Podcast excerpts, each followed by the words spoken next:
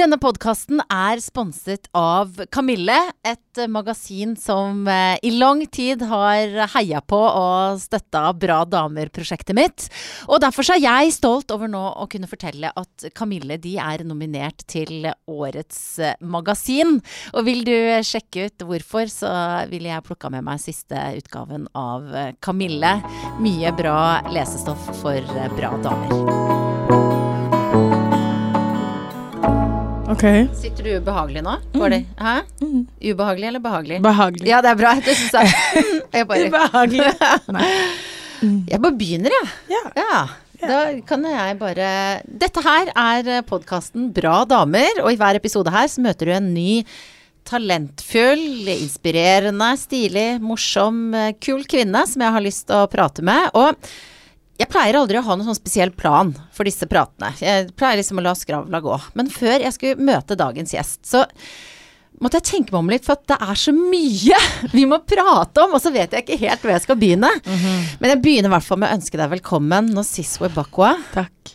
Skjønner du at jeg syns det er litt sånn For at, ok, hvis jeg skal begynne å oppsummere. Vi har artist. Soul-dronning. Skuespiller. eh, Aktivist. Eh, Utdanna statsviter. Altså, det er eh, norsk, sørafrikansk, engasjert. Ja. Det er veldig mange ting jeg har lyst til å prate med deg om. Mm. Hvor skal vi begynne? Nei, si det. Jeg var eh, i et annet intervju for når nå kanskje typ ja, en uke siden eller et eller annet. Jeg har ingen konsept av tid lenger. Eh, og så sier den dama da det samme, at Ja. det er så masse. Mm. Og så spør hun meg Nå sier du, har du flere timer i døgnet enn alle andre? Mm. Og jeg vet at hun mente det som et kompliment. Men jeg kjente at jeg ble helt svett. Jeg oh, ja. fikk litt sånn vondt i magen. Litt sånn Hva faen? Fordi du liksom du holder holder på på med for mye? Ja, eller eh, Det gir jo meg masse energi og masse fuel. Jeg gjør jo veldig mye av de tingene jeg har lyst til å gjøre, og det er jeg kjempetakknemlig for. Jeg driver jo dette toget sjæl, Mm. til en viss grad. Men eh, jeg tror på en måte at personligheten min er av den type at jeg sier ja til ting hele tida fordi jeg syns det er gøy, og har på en måte ikke helt oversikt over hva jeg vil med alt sammen, på en Mm. måte. Men det jeg tenker, og grunnen til at eh, jeg hadde så innmari lyst til å prate med deg, er jo Mm. nettopp det Én ting er du er sikkert travel, men Mm. det at du har så mange sider. Og at hvis man har sett deg, f.eks. der hvor Sånn, vi så hverandre sist, i Århundrets stemme, og tenker 'Å ja, det er hun derre syngedama, hun Mm. derre flinke'. Og så googler man deg, og så ser man deg snakke eh, på vegne av ICAN Mm. om eh, atombombens forferdelige eh, effekter. Mm. Med klokkeklar røst og stødig som få. Takk. Um, men hvordan, hvis vi skal begynne med det siste, da.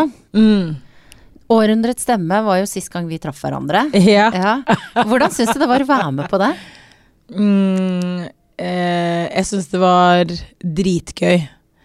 Eh, og surrealistisk. Og veldig sånn langt utafor eh, komfortsonen.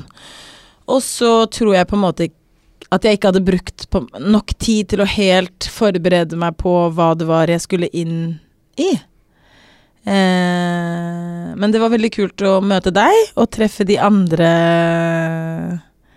eh, i Århundrets stemme, både bak eh, og på scenen.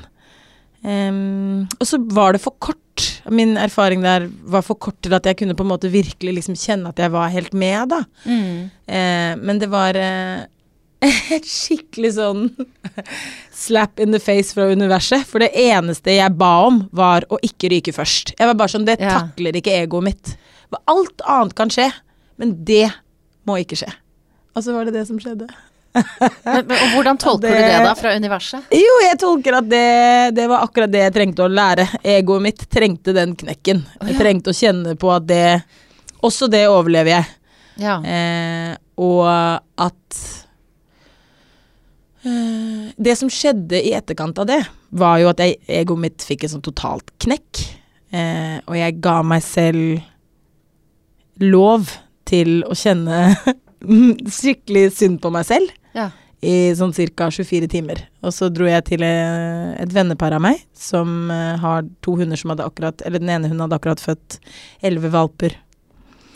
Og så satt jeg da i dette valpekullet og snufsa litt for meg sjøl. og hadde sånne uendelig søte ni uker gamle valper som bare sovna eh, på fanget mitt og var helt nydelig. Og så uh, pusta jeg inn hele erfaringen og pusta den ut. Eh, og det som skjedde helt sånn konkret for min del i etterkant, var at jeg måtte se litt på måten jeg tar avgjørelser på, rett og slett. Hvordan jeg går inn i ting, hvorfor jeg går inn i det, hva motivasjonen er, hvordan det påvirker, hva jeg får til å levere når jeg er der. Det er jo mye tilfeldigheter i et sånt program. Mhm. Eh, samtidig som at det var vel kanskje de samtalene jeg hadde med Frida Ånnevik og Marianne Sveen, hvor de hadde Jeg veit ikke, de hadde satt seg så inn i det de skulle, på en måte. Eller sånn De hadde brukt så mye tid på å reflektere over de sangene de valgte, og hadde en helt annen prosess. Jeg er litt sånn Jeg vil kjøre på! Mm. Ja, den er fet. Um, så ja, jeg brukte litt tid på å finne ut av det, for å kjenne at jeg i det hele tatt kunne ta noe lærdom ut av den prosessen. Og så eh, egentlig bare akseptere at sånn konkurransesangting ikke er helt min greie. Det er ikke der jeg skinner. Det er ikke Nei. Hvor er det du skinner? Mm. Hmm.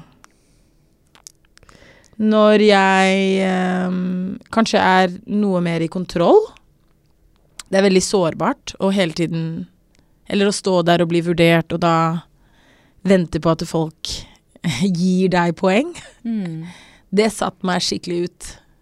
Jeg ble dritsatt ut av det. Ja. Så øh, kanskje, ja, når jeg kan eh, styre rommet litt, på en måte. Da tror jeg ja, da tror jeg jeg føler meg mer avslappa og kan leke meg og ha det gøy.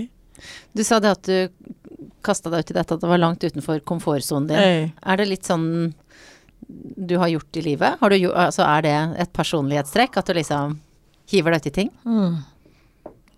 Det er virkelig det.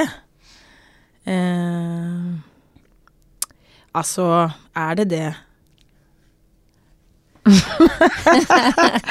Det er vanskelig når man skal analysere seg sjøl. Ja. Jeg tenker at uh, den første gangen jeg kasta meg ut i noe, var jeg vel mm, Eller den kast, første gangen jeg kasta meg ut i noe som føltes utrygt, var jeg vel ti. Åtte ja, ni. Når jeg, jeg hadde en sykkel som jeg hadde arva fra storebror, og så bodde vi på toppen av en ås, og så var det en veldig sånn lang, bratt bakke som jeg likte å sykle ned i full fart og krasje inn i en sandkasse som var liksom rundt svingen fra den bakken. og det kunne jeg gjøre sånn 50 ganger dagen. Eh, og så var det gang nummer 37, da. Hvor jeg bare kjente på et gir som mm, er kanskje litt ubeskrivelig, men er en følelse jeg gjenkjenner også i voksen alder. Som er når noe på en måte tar over. Da husker jeg at jeg var så i et eller annet slags rus, da. At jeg slapp sykkelen. Og så opp.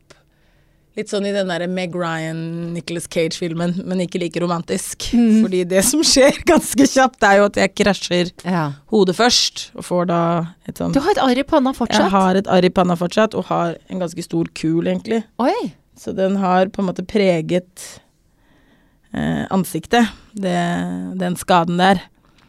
Eh, så det er noe med å kaste seg ut i ting mm, hvor man kjenner seg eh, til en viss grad forberedt. Jeg har jo drevet med sang og dans hele livet. Jeg sang jo i kor og var med i Putti Plutti Putt. Da var jeg dansende, steppende reinsdyr.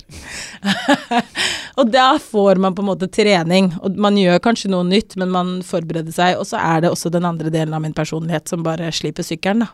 Mm. Så jeg gjør på en måte begge deler. Når jeg jobba i Altså, jeg jobba jo lenge politisk og brukte lang tid på å studere meg inn i det faget og kjenne meg trygg på hva jeg snakket om. Så det er Jeg er tvilling, da. Det er begge deler. Det er litt den derre impulsive, ikke alltid helt gjennomtenkte delen, og den delen som er veldig kalkulert. Men begge Begge deler kaster seg ut i ting.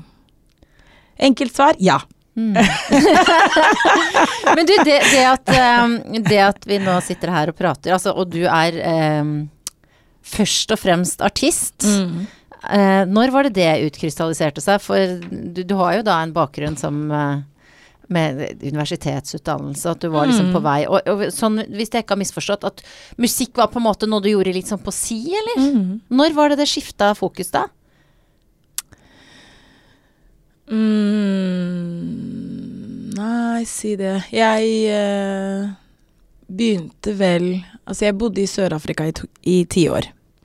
Og så dør pappa, og så kjenner jeg på et behov for å flytte vekk fra Sør-Afrika. Så da flytter jeg tilbake til Oslo. Hvor du, altså, bare for, for Altså, du er født i Norge. Jeg er født i Av Norge. sørafrikanske foreldre. Flytta tilbake til Sør-Afrika. Mhm. Pappaen din dør, hvor gammel var du da? 18. Åh, Mm. og så da ville du flytte derfra? Da ville jeg flytte derfra. Hvorfor det? Fordi Sør-Afrika opplevdes som klaustrofobisk. Fordi eh, i min families tradisjon eh, så er det sånn at når det, den øverste, det øverste hodet Er det det man sier på norsk? Ja? Ja, på en måte overhodet, kanskje? Overhodet i familien dør, så trer da den nærmeste onkelen inn som familiens overhode. Okay. Og jeg og min onkel hadde egentlig et ekstremt godt forhold før dette skjedde. Jeg er den eneste jenta i kusineflokken. Eh, og han syntes helt sikkert at det var veldig morsomt med meg, for jeg var så uttalt og så opptatt av politikk, og han jobba som høyesterettsdommer, og ja. Vi pleide å ha egne dates, bare han og jeg. Prate om ting. og det fant jeg ut i når jeg var mye eldre, at det var sånn som han ikke gjorde med hans egne sønner, da. Han har bare gutter i hans egen Ja, ja. flokk. Vi var veldig nære. Og så dør pappa, og så skal han tre inn som pappa. Og da møter jeg en annen side av min onkel, ikke han som ler og svømmer og trener med meg og snakker om liv og politikk og gutter. Og da får jeg ganske tydelig beskjed om at jeg skal begynne på universitetet, og jeg skal begynne å studere juss, fordi da skal jeg ta over min tantes jussfirma når jeg blir stor. Og så er det et eller annet med alt som foregår rundt min fars død, som er mye jeg ikke helt greier å eh, falle til ro med. Jeg føler og opplever at jeg ikke har kontroll eller støtte. Det er et eller annet hjul, et eller annet automatikk eh, i hvordan man forholder seg til dødsfall som jeg ikke gjenkjenner, fordi jeg hadde jo bodd i Norge mesteparten av mitt liv. Hvordan, da- eh, hvordan artet det seg, den automatikken? Går det an å forklare? Ja, nei, så da kom på en måte Da trer familien inn ganske sterkt. Ja. Eh, og så begynner de bare å ta litt sånn over. Eh, og så er det et system til det. Det er et regelverk til det. Hvem som gjør hva i det. Og sånn er det bare. Eh, og så er det Eller jeg kjente at jeg hadde litt for lite plass til å sørge pappa. For jeg var 18 og myndig og skulle også få et helt sinnssykt ansvar i forhold til hans estate og det skjedde Det føltes ut som det skjedde veldig mange prosesser over hodet på meg, som ikke jeg helt liksom fikk tak eller grep på. Og så kommer onkelen min og skal bestemme min livsferd, på en måte. Eh, og det med veldig lite sånn føleri involvert, bare sånn Sånn skjer. Pam, pam, pam. Nå, du, nå må du tilbake til skolen, du må bli ferdig med eksamen, og så skal du gjøre sånn og sånn. Eh, og da bodde mamma min i en annen by. Hun bodde i East London, og jeg bodde i Cape Town. Og så husker jeg at vi satt på telefonen en kveld, og så sier jeg mamma, må jeg, må jeg egentlig forholde meg til dette her? Er det ikke du som er familiens overhode? Må jeg, må jeg deale med dette her? Sa han nei. Du trenger bare å høre på meg. Hør på deg sjæl. Hva vil du? Sier jeg, vil stikke. Jeg orker ikke. Jeg vil hjem. Sa han ok. Så var det det, da. Så ble hun med meg til Norge. Fikk jeg lov til å bare velge vekk det livet som da var satt som en plan for hvordan å overleve min fars død. Eh, så da kom jeg hit med kofferten full av sorg og sinne.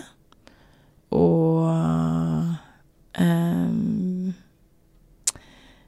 blir reunited med min eldste beste venninne, Ida, som jeg har vært eh, venninne med siden første klasse. Jeg flytter inn i leiligheten hennes. For et kaos.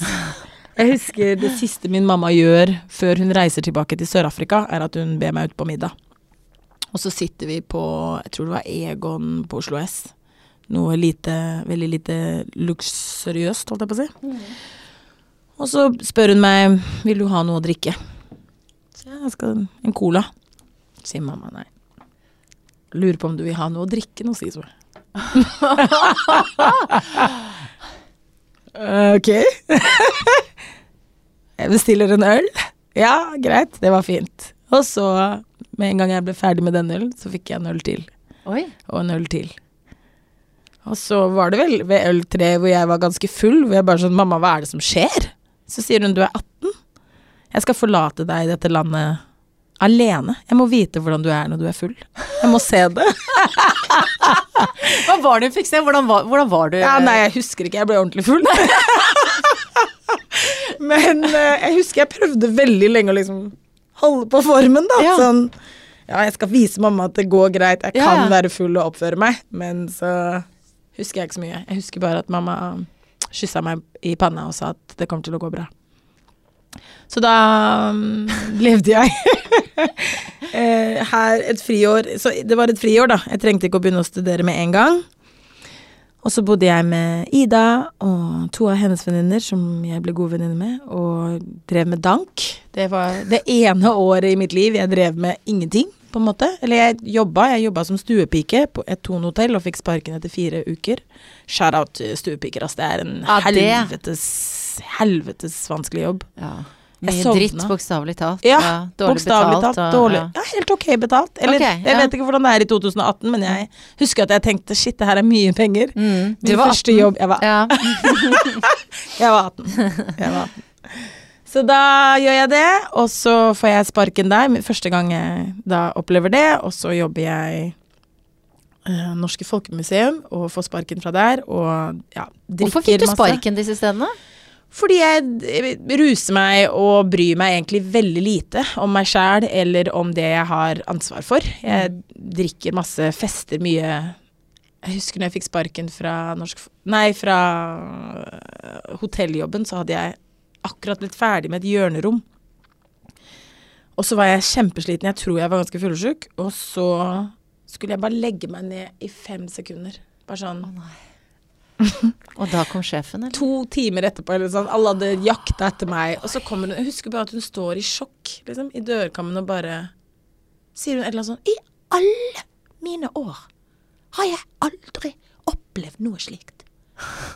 Og jeg bare Har ingenting jeg skulle ha sagt. Nei. Og så nedi på kontoret hvor hun bare Jeg tror du må bare Jeg tror du må bare pakke sakene. Du, du må bare Du må bare gå. Bare, mm, det skjønner jeg veldig godt, og beklager og beklager. Det var eh, virkelig det året jeg drev med ingenting. Eh, og syntes eh, livet var på en måte fint og spennende. Det var jo spennende å være aleine som 18-åring med mine venninner. mm, Og med veldig lite familie i nærheten, og samtidig også ganske ensomt. Eh, og så eh, møter jeg en gutt som jeg blir veldig forelska i, eh, nærmere slutten av året, og han hjelper eh, og hele hjertet. Eh, og så husker jeg at mamma ringer. Da er, det, da er vi kanskje i oktober. Mm. Congratulations, girl! Why? You've gotten into the University of Cape Town! Men mamma, jeg, jeg har jo ikke søkt. I know, I did! Men uh, hun hadde latt det stå åpent, da. Jeg kunne velge hva jeg ville studere. Så det fikk du velge. Det fikk jeg velge. Men er dette, eh, ikke sant, selv om moren din da lot deg reise til eh, Norge, Mm. så, så er det jo en viss form for um, kontrollering av ditt liv, da. Totally. Er dette, er dette typisk din mor, eller er det typisk sørafrikansk? Altså den der, siden du nevnte det med kontrollerende familie og sånn. Jeg tror det er mye vanligere i afrikanske familier generelt. Eh, å ha ganske autoritære og kontrollerende foreldre. Så min mors oppførsel overfor meg eh, er, er ganske vanlig hvis man ser med jeg håper å si diasporaøyne, eh, i forhold til innvandrerfamilier og måten barn har relasjoner med deres foreldre.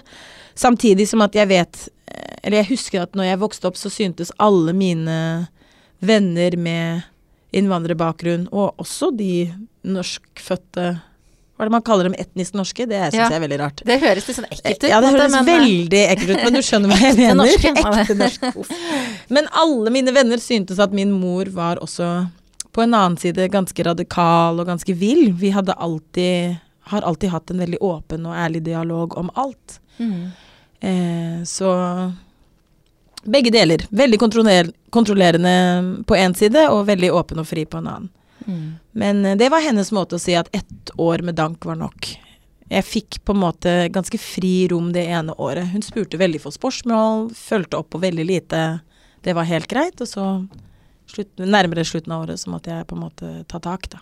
Og da, du, da reiste du og tok den skoleplassen hun hadde skaffa? Ja, Sammen med han eh, typen i kofferten. Ja. Så da flytta vi ned til Sør-Afrika, og så begynte jeg statsvitenskapsutdannelsen og opplevde åh, politikk på den måten politikk betyr noe. Eller Sør-Afrika var jo i utvikling. Det var ikke lenge siden 94 hadde vært, og Sør-Afrika hadde blitt demokratisk. Og politikken og det å prøve å forandre strukturene i samfunnet, det foregikk på universitetet, inne i klasserommet. Det var heftige debatter hver dag. Det var heftige debatter i barer, hjemme hos folk. Man satt og drakk vin. Og ofte var det diskusjoner som endte i tårer eller i krangel fordi at man virkelig prøvde på basis av hvem man var, og hvem man forholdt seg til, og hvem man hang med, å finne ut av bagasjen, da. Vår personlige, men også bagasjen til Sør-Afrika. Hvordan var det vi skulle bidra? Hvordan skulle vi bli bedre mennesker enn våre foreldre? Hvordan skulle vi akseptere våre forskjeller og fordommer, egentlig? Så da vekket det en ordentlig glød, da. En oppriktig engasjement eh, for faget. Eh, men også et aktivistisk engasjement. Jeg jobba eh, for eh, The Treatment Action Campaign, som er en hiv og aids eh, behandlings- og juridisk støttende organisasjon i Sør-Afrika. Eh, det var sykt spennende. Det var utrolig en spennende tid å være en student på universitetet i Cape Town. Og så var jeg der i to år, og så blir min norske kjæreste lei av å være i Sør-Afrika. Han vil hjem. Og da reiser jeg tilbake med han eh, for å da fullføre studiene på Blindern. Og da husker jeg, å oh, faen, the drama. Tantene blir You are leaving school for a man! Det var bare, altså Større blasfemi har aldri blitt opplevd. Jeg skulle ofre mitt Og det er sånn Jeg husker jeg sa så respektfullt som jeg kunne sånn Ingen Altså, dere er alle sterke, kraftfulle kvinner, og ingen av dere er i forhold. Mm, ja.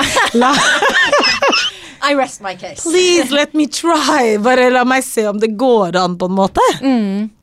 Men det var, det var skamfullt. Det var jo veldig mye eh, Ikke dramatikk, da, men jeg hadde jo tatt med en hvit eh, eldre Han var fem, seks, sju år eldre enn meg. Eh, mann som ikke hadde utdannelse. Altså, det var, det var mye min stakkars familie måtte forholde seg til av Nosizwe og det derre utsvevende livet hun tok med seg fra Norge. Og så reiser jeg tilbake til eh, Oslo, og så er det vel så random som at jeg får en telefon fra en venninne av Chave, min bror. en ettermiddag hvor hun sier et eller annet som jeg, Chawas, sier at du kan synge. Og jeg trenger en vikar på en jobb jeg skal gjøre. Har du mulighet til å steppe inn? Ja, ok. Og så gjør jeg det. Ja. Så det er eh, egentlig sånn det starta. Jeg begynte som vikar. Eh, og fikk spille med en saksofonist fra Nigeria. Det var virkelig sånn hard introduksjon. Jeg måtte lære 19 sanger på Ibo, på et språk jeg ikke kan, yes. i løpet av bare noen få dager før jeg skulle spille denne konserten. Og så gikk det bra. Og da ville han at jeg skulle bli fast korist.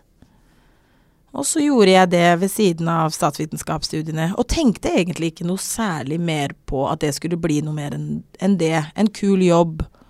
Jeg tjente penger, fikk synge, kjente på en forkjærlighet for det og liksom en slags tilhørighet i det, da.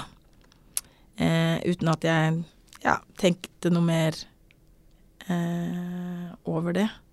Alltid vært glad i å synge, men jeg vet ikke. Jeg var liksom on a path. Mm.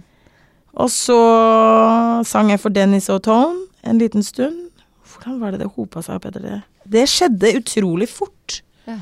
Fra Dennis til Sofian tror jeg var neste fyr. Og da oh, ja. møtte jeg Ja. Åh, Soul, eh, Hvor lenge er det siden? Er det ja, sånn det er lenge siden 15 år siden, ja, kanskje? Cirka. Ja. Mm. Og han var jo helt Han var helt magisk, altså måten han sang på. Eh, og Sofian var én ting, men jeg møtte Susann Sisi, ja, nettopp. som sang med Sofian. Og Mm. den eh, kjærligheten vi fant for hverandre, og for musikken, åh, det var Det hadde jeg kanskje savna uten å helt ha visst at jeg savna det. Ja. Vi bare sang. vi bare Vi skapte.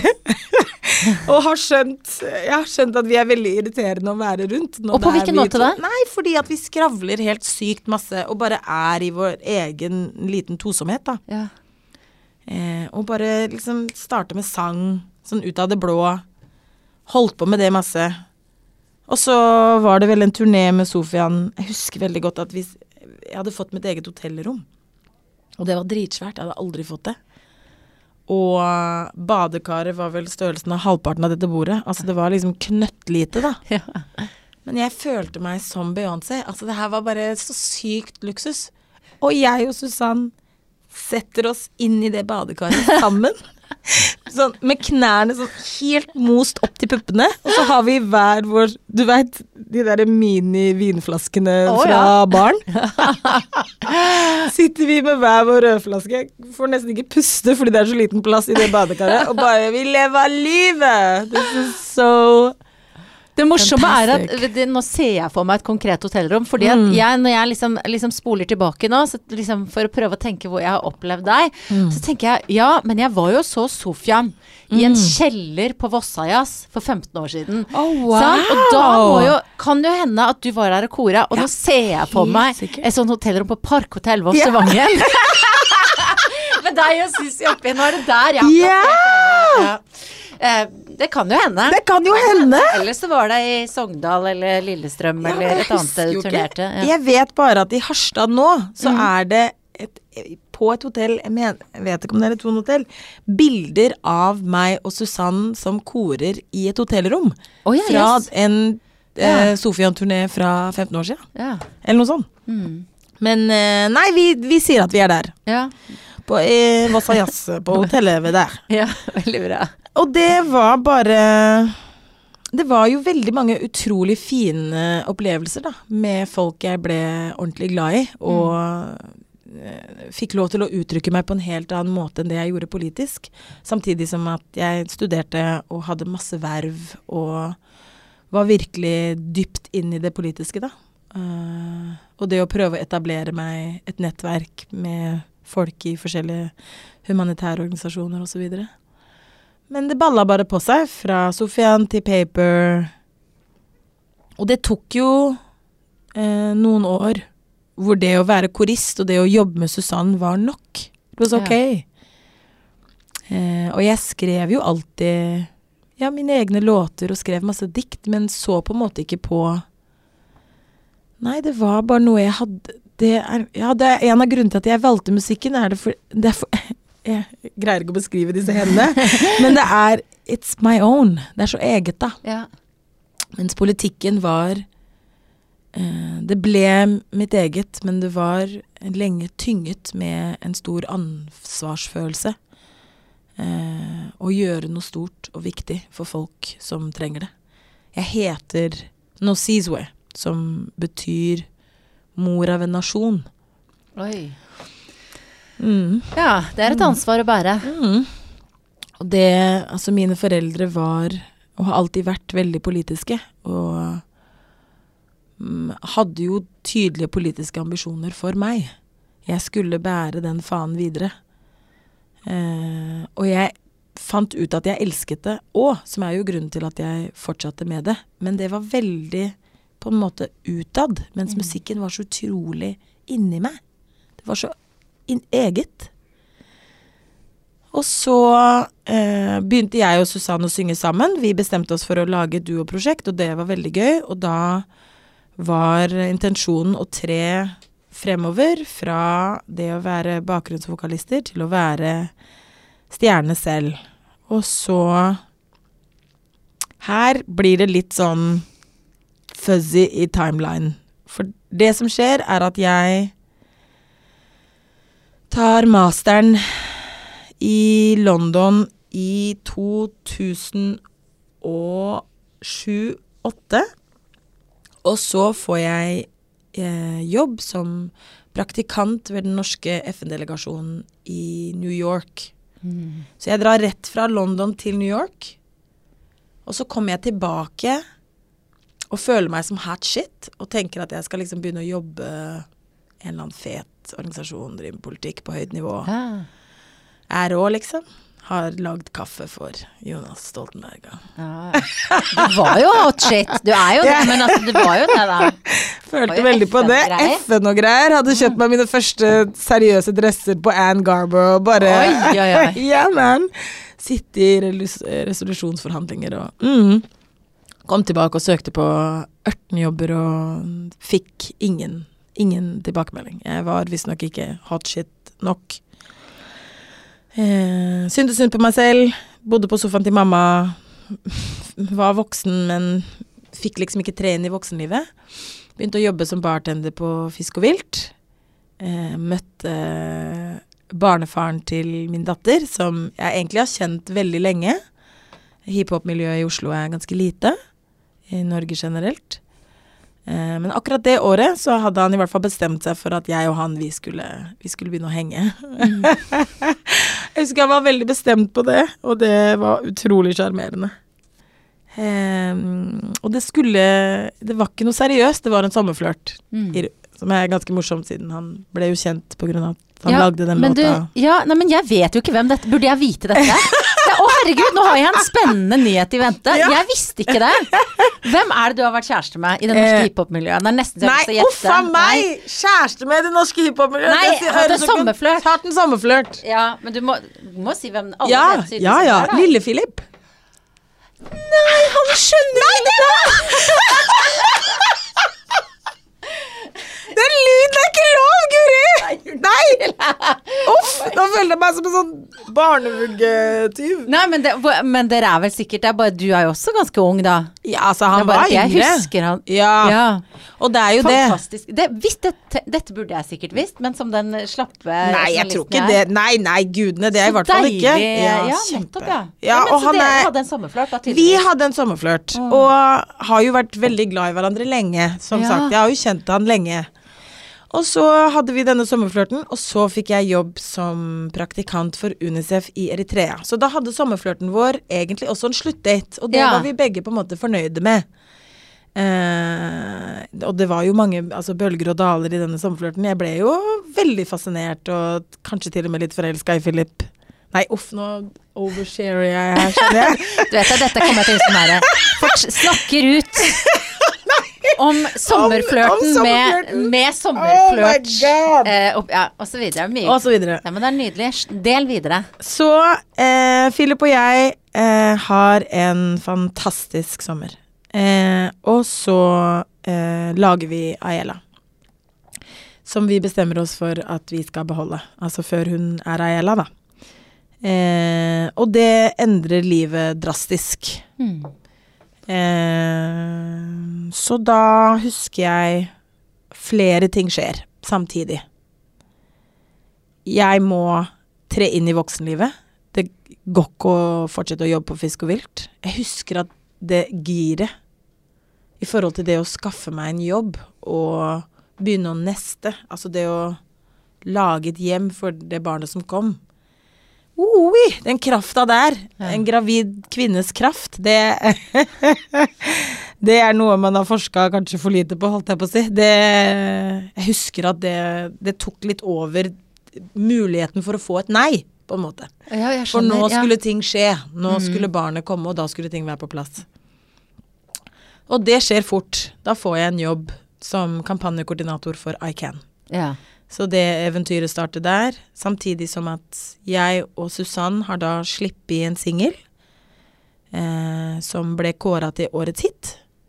Ting begynner å boble der, og Susann kjenner at hun vil ikke vente på gravide Nosizwe, som trenger tid til å vurdere ting, vet ikke hva slags barn, eller hva behov, eller hva livet og verden ser ut som etter at dette barnet kommer, kan ikke begynne å forplikte meg til turneer.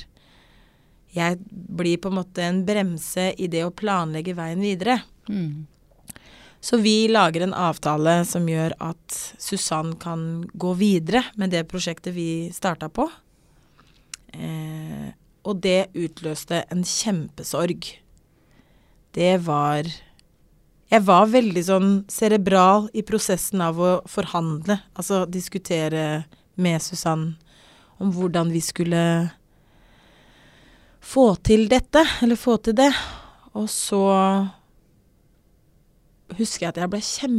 Ah, jeg ble så lei meg. Jeg følte meg forrådt, selv om jeg ikke var det. At det skipet seilte med henne, liksom. Mm. Jeg følte meg forlatt. Mm. Og så var det da at jeg plutselig skjønte også hva musikken hadde blitt, eller kanskje har alltid vært. Det var midt i den her 'nå skal jeg bli voksen', jeg skal bli mamma, herregud, jeg vil egentlig bare synge. Så det var veldig mange ting som skjedde samtidig, som var utrolig skummelt. Og var begynnelsen på mm, der jeg er nå, som er litt den ja takk, begge deler Nosizwe. Jeg har på en måte ikke Jeg starta to parallelle prosesser, da. Mm. Jeg begynte som kampanjekoordinator i ICAN, og så begynte jeg å jobbe med egen musikk. For jeg ville ikke gi slipp. Og så har du jo din egen rolle som kaptein i ditt eget liv, sant, og du prøver så godt du kan å ta avgjørelser som positivt påvirker deg og de rundt deg, og så er det masse tilfeldigheter og andre mennesker som spiller inn, og i dette her, midt oppi dette her, så kommer Daniel Langleite fra Knirkefritt inn, Mm. og mm, begynner å pushe på prosjektene og si så Han ser noe som han har lyst til å jobbe med og videreutvikle, og det å kjenne på en egen glød som plutselig blir anerkjent fra utsida, det gjør noe med deg. Oi, shit, jeg blir sett som oh, wow. Mm. Eh, ikke bare en bakgrunnsvokalist, men en potensiell soloartist, da. Og så begynte vi å bygge, da. Og det var crazy bananas og veldig gøy, fordi ah, Jesus. Var det skummelt, syns du? Det er jo på en måte en slags trygghet Mm. i å ikke bære ansvar aleine, da. Å være korist for noen andre. Skumlere å være aleine. Jeg syns jeg, Det der med skummelt, Guri Jeg sier ofte Jeg jobber veldig mye med barn og ungdom også. Eh, og det jeg ofte sier til de, spesielt til ungdommen, er at det er veldig lite jeg gjør hvor jeg ikke kjenner på frykt. Jeg er veldig lite trygg, på en måte. Jeg kjenner meg ofte veldig redd. Og så er det på en måte en slags de del av Ikke DNA-et, men av stoffet som skaper energien som driver meg. Okay, ja. Så frykten gjør aldri at jeg stopper opp. Du bare lærer deg å leve med det på en måte, eller Ja, bruke det? jeg, jeg, jeg har aldri forventet at frykt ikke skal være der. Og sånn har det alltid vært? Alltid. Alltid. Så jeg eh, Nå er det en ordentlig digresjon, men jeg var i en paneldebatt for et par uker sia, en sånn feministisk eh, aften, ja det var 7. mars, hvor vi skulle diskutere uh, og prøve å finne fram til uh, utopier. At feminismen, nådagens feminisme, har ma et manglende språk, da. Eh, I forhold til denne verden vi prøver å skape sammen. Hvordan er det den ser ut? Hvordan er kvinner i dette utopiske, likestilte universet? Hvordan er menn? Hvordan er det de forholder seg til hverandre? Hva det hva slags mekanismer er det som driver dem? Hvordan er det vi forholder oss til testosteron og den drivkraften som er iboende? Og den debatten var sykt interessant. Eh, eh, og den har jeg tenkt mye på i etterkant, fordi at uh, i min forestilling av min egen utopi har jeg innsett at lidelse er en viktig del av hvordan jeg forstår meg selv. Hvem er Nosizo uten frykt? Uh, det veit jeg ikke. Hvem er Nosizo uten en slags At jeg Man har jo alle opplevd mye vanskelig i livet. Kanskje jeg har opplevd mer enn noen, mindre enn andre. Mm, men alle disse livserfaringene eh, har gjort at jeg kjenner meg selv veldig godt som en som ikke alltid bare klatrer seg ut av hullet, men Det er et eller annet og det å skjønne mm, at frykt ikke nødvendigvis er kun negativt, da. Eh, og det har også gjort at jeg har måttet på en måte revurdere hva jeg tenker når jeg tenker på selvhelbredelse. For jeg tror på ett nivå at jeg har trodd at det Når Nosizo er helet, er helbredet, da er hun ikke lenger redd. Så du har på en måte tenkt at du har vært på vei dit? Og så skjønt at that, that's not honest. At den frykten er så sinnssykt en viktig del av den drivkraften, da. Av det drivstoffet. Om det er bra eller ikke, I don't know. But that's how it is. Men det er mange typer redsel. Hey. Mange nivå av Mm. Altså hvis vi skal begynne med sceneskrekk eller Mm. nerver, eller hvordan man skal definere Mm. det. Mens, men hva har vært den Hva har du vært sånn mest redd for? Uh, at jeg ikke er god nok. Mm. Mm. Hvem er det du har hatt i tankene når du har vært redd for det? Spør, si det igjen. Hvem er det? Hvem er det du har vært redd du ikke skal være god nok for? Eh, eh, jo, altså Min mor, kanskje. Eh, nå følte jeg vel at vi var på Dr. Phil. For eh, den eh, Jeg tror det handler mye om at fra jeg var liten, så fikk jeg beskjeden om at jeg var spesiell. Og at jeg skulle få til veldig mange store og fantastiske og viktige ting. Eh, samtidig som at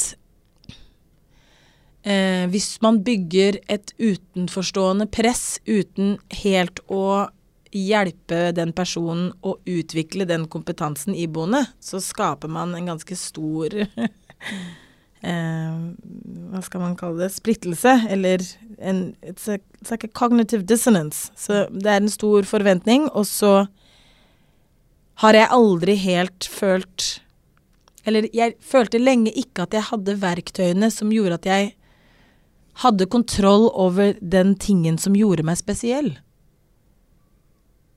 jeg, jeg visste at jeg var det fordi jeg fikk beskjeden, men hvordan? Hvordan er jeg det? Hva kan jeg gjøre for å systematisere det? Ja. Få av på-knappen på det? What is it? Det Det fikk jeg på en måte aldri beskjed om. Uh, og det er uh, Det har gjort at jeg har gjort veldig mange ting hvor jeg har følt meg ekstremt utrygg.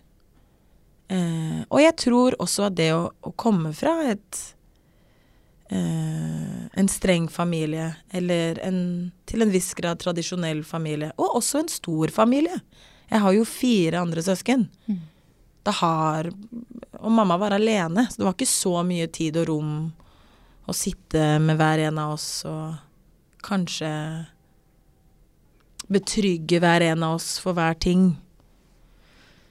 Eh, selv om jeg vet at jeg i den gjengen vi er, eh, fikk ekstremt mye av det i forhold til de andre. For jeg hadde jo også brødrene mine, som var utrolig flinke på det å se meg. Nå prøver jeg å tenke høyt hvor denne her utryggheten kom frem. Jeg tror også at det er en personlighetsting. Jeg tror det er bare sånn Nå sies hva det er. Jeg tror det er litt eh, hamsterhjernen min, på en måte. Løpe, løpe, løpe, løpe, løpe, løpe, løpe, løpe. Ja.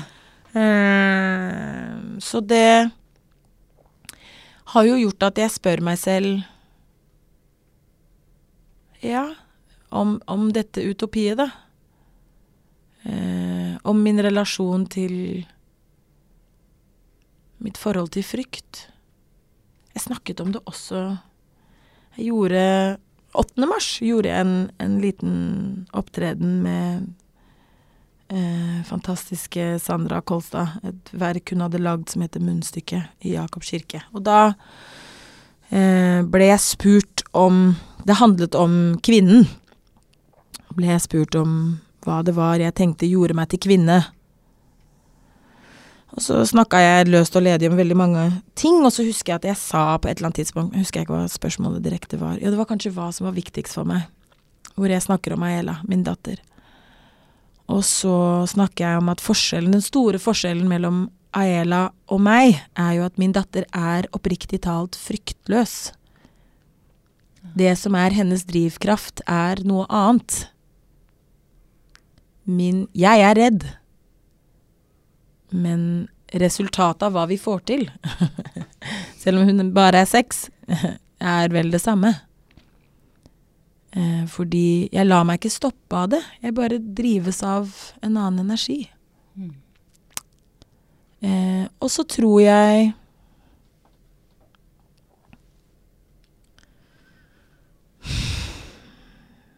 Frykt, selvforakt kan være gode ting når man driver med det å være en offentlig person, eller står mye på en scene, eller eh, skal være en annen slags persona. At man ikke tar seg selv for seriøst. Og så er det bare viktig at den selvforakten ikke blir for stor. Klarer du å tøyle din? Nå gjør jeg det. Lenge gjorde jeg det ikke. Lenge var Og det var vel i en tid hvor jeg ikke var klar over hvor langt nede i kroppen den satt, da. Og hvor mye selvforakt jeg faktisk hadde. En av de sangene på debutplata mi handler jo om det.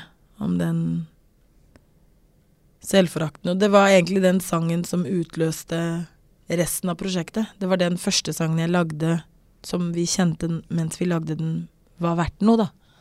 At den, den skulle være med, da. På plata.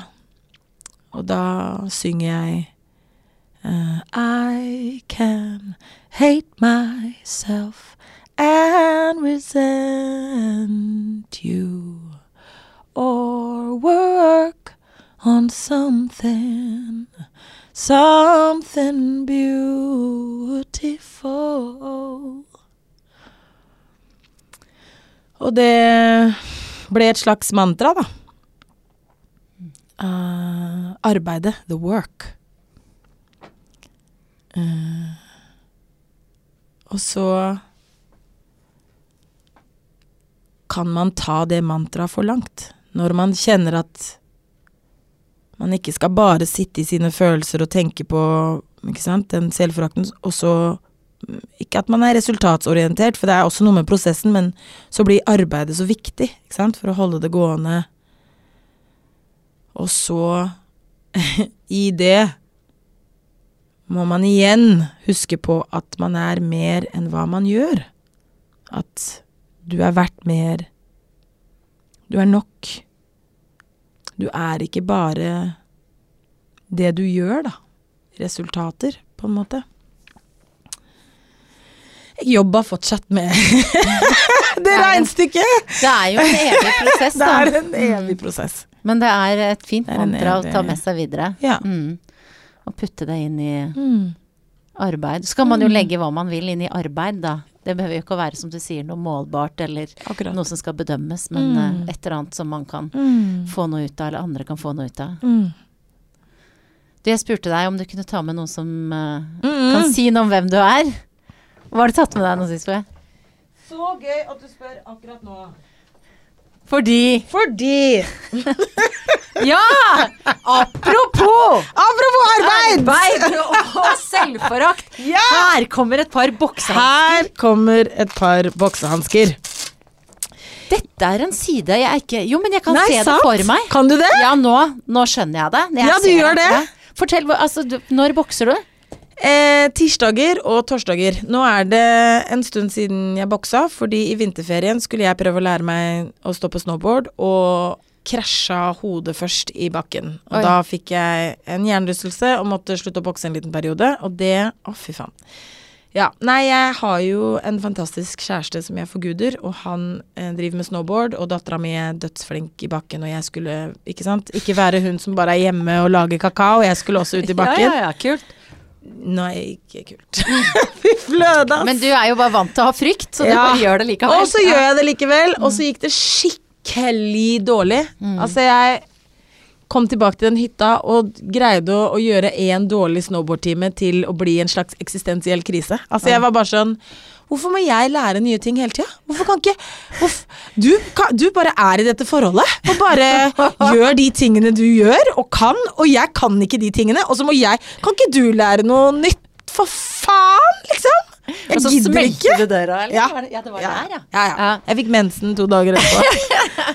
ja, faen, jeg må lage en sånn mensenkalender. Åh, Men kjæreste. boksinga får deg på en måte Det kanaliserer dine Du, din aggresjon, da, eller? Ja. Og jeg har prøvd Altså, jeg har prøvd den andre veien først. Jeg har gjort eh, noe yoga.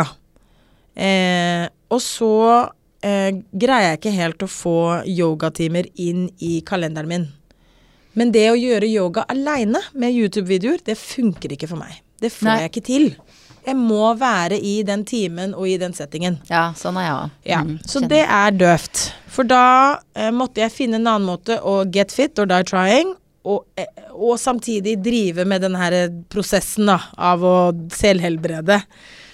Eh, og så eh, ville jeg thaibokse, da. Eh, og fikk med meg eh, min beste venninne. Og vi meldte oss på Oslo Fight Center. Og begynte der, og det er dritfett. Det er helt sinnssykt fett. Det er Oi, nå raper jeg masse. Unnskyld. Det går bra. Unnskyld. Unnskyld meg. Eh, nei, det er eh, en skikkelig workout, for det første. Eh, og så er det veldig gøy fordi aggresjon er til en viss grad meningsløst i, i ringen. Det er teknikk. Eh, og det er ydmykende på den beste måten å ta imot slag, da. Å bli slått. Ja. Det syns jeg er mye mer fascinerende enn å slå. Jeg er ganske sterk, og har skjønt at jeg er god på det. jeg, slår, jeg og min bestis Sigrid Heiberg, vi sparrer. Det, jeg har sparra med noen andre folk òg, det er ikke like gøy. Da, da blir jeg sint, da oh, ja. Men henne tåler du liksom at hun Henne smeller til det? at hun smeller til. Ja. Jeg sparra med en mann, og han smelte til. Å, fy søren. Eh, men det er også utrolig erfaringsrikt, da. Mm. Men det å lære å blokkere altså den dansen og den teknikken, og hvor ekstremt hyperkonsentrert man må være på både det å forsvare seg selv, som jeg tror til en viss grad jeg har vært dårlig på. Jeg lærer meg å forsvare meg selv. Og nå mener du billedlig speaking også, eller? Metaforisk, Ja, og også mm, ja. med thaiboksingen. Mm. Og eh, det er tøft, rett og slett. Med, det er litt sånn rocky, som jeg føler noen gang at jeg er i livet. Altså, jeg har lyst til å begynne med det bare Ja. fordi det ser kult ut. Ja, men- altså, for da blir jeg sånn million dollar baby. Ja! Men det er mer enn nok, det. Ja. Og du skal se noen av de damene i det thaibokserommet er million dollar babes. Altså det er en dame som er så ufattelig heit at jeg veit ikke hva jeg skal gjemme selv. Og så eh, har hun alltid sånn svart, lang hestehale, og så har hun skikkelig korte thaiboksershorts. Og så sparker hun skikkelig høyt og er utrolig fit og utrolig sterk. Så har hun et veldig sånn farlig blikk. Og jeg er litt forelska i henne og fascinert av henne, og mest av alt redd henne. Men kjenner at jeg liksom har litt lyst til å være henne, eh, og litt lyst til å slå henne. Eller liksom, Ja, jeg forstår. You know? Ja, jeg vet akkurat hva du mener. Nå er det sikkert flere som er inspirert til å få på seg boksehanskene. Altså Det anbefales på det sterkeste, og det er i Oslo Fight Center er utrolig lite glamorøst, og det er også veldig kult. Det stinker svette. Og det er menn og kvinner sammen, og det er et eller annet med det å lære eh, mm, Både det å forsvare seg selv og det å slå fra seg på en måte som ikke handler om aggresjon. Det handler om noe annet. Og det utforsker jeg videre. Og jeg tror det er en sånn god ting å gjøre hvis man også får til å gjøre yoga. Bare for å holde Yin-yang, liksom. ja. Ikke bare slå. Det er ikke bra.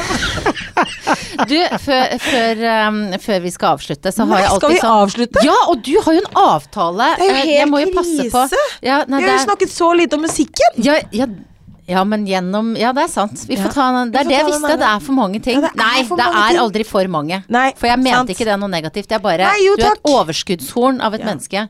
Men jeg har tre sånne spørsmål. Som jeg, kjappe spørsmål Ja. som jeg stiller alle gjestene. Og det første er hva spiste du til frokost i dag? Oh, takk som spør. I dag spiste jeg en skikkelig luksusfrokost. Jeg har egentlig vært på sånn der no to low carbo i kanskje 15 år, fordi ja, man skulle tro at karbohydrater er satan. Og så eh, har jeg hatt litt sånn mageproblemer i det siste og skjønt at kanskje jeg mangler litt fiber. Ja. Så da dro jeg på et bakeri og kjøpte skikkelig, skikkelig, skikkelig grovt brød. Og så var jeg innom Gutta på haugen etter at jeg leverte dattera på skolen i dag tidlig, og kjøpte meg en skikkelig god cheddarost. Og så spiste jeg tre brødskiver med helt vilt luksus cheddarost på grovt brød, og jeg er enda mett. Oi. Ja! Og nå er vi godt på ettermiddagen. Ja! Oi, oi, oi. Så det, det skal jeg gjøre nå for alltid. Jeg er litt sånn ekstremt En ekstrem Nå har jeg funnet Nå er det det. Nå er det det du skal spise. Forever! Og så skal vi ha på, på klær. Hvor, hvor lang tid brukte du på å finne ut hva du skulle ha på deg før du gikk ut og kjøpte dette brødet? Eh, da så jeg ut som en som kanskje ikke har et hjem. Fordi oh, ja, okay. jeg får ikke til å gjøre meg klar i, før jeg får levert dattera mi. Det får jeg aldri til. Det går ikke. Nei. Det, jeg er ikke en morgenperson, for å si det sånn. Så eh, det var ikke så vanskelig å kle på meg før jeg kom hit, fordi de buksene jeg har på meg, visste jeg allerede i går at jeg måtte ha på meg i dag, for jeg må ha det på for den jobben jeg skal til. Ah, det var veldig Aha. kule grønne bukser Tusen og denimskjorte. Veldig kult. Og den denimskjorta er kjæresten min sin, og den eneste skjorta jeg eier. Så da ble det dette. Og siste spørsmål er når hadde du sex sist? Oh my god, altfor lenge siden. Du som er så Nei. Er ikke du i sånn nyforelska modus, da? Jeg er skikkelig, men vi bare Han flytter inn snart med barna sine, og vi maler leiligheter, og Eila hadde bursdag denne helgen, og det var Og har bare vært veldig masse, og masse jobbing. Vi hadde sex sist han var hos meg. Hvilken dag er det i dag? Kanskje han var hos meg på søndag? Jeg husker ikke, men det var veldig fint.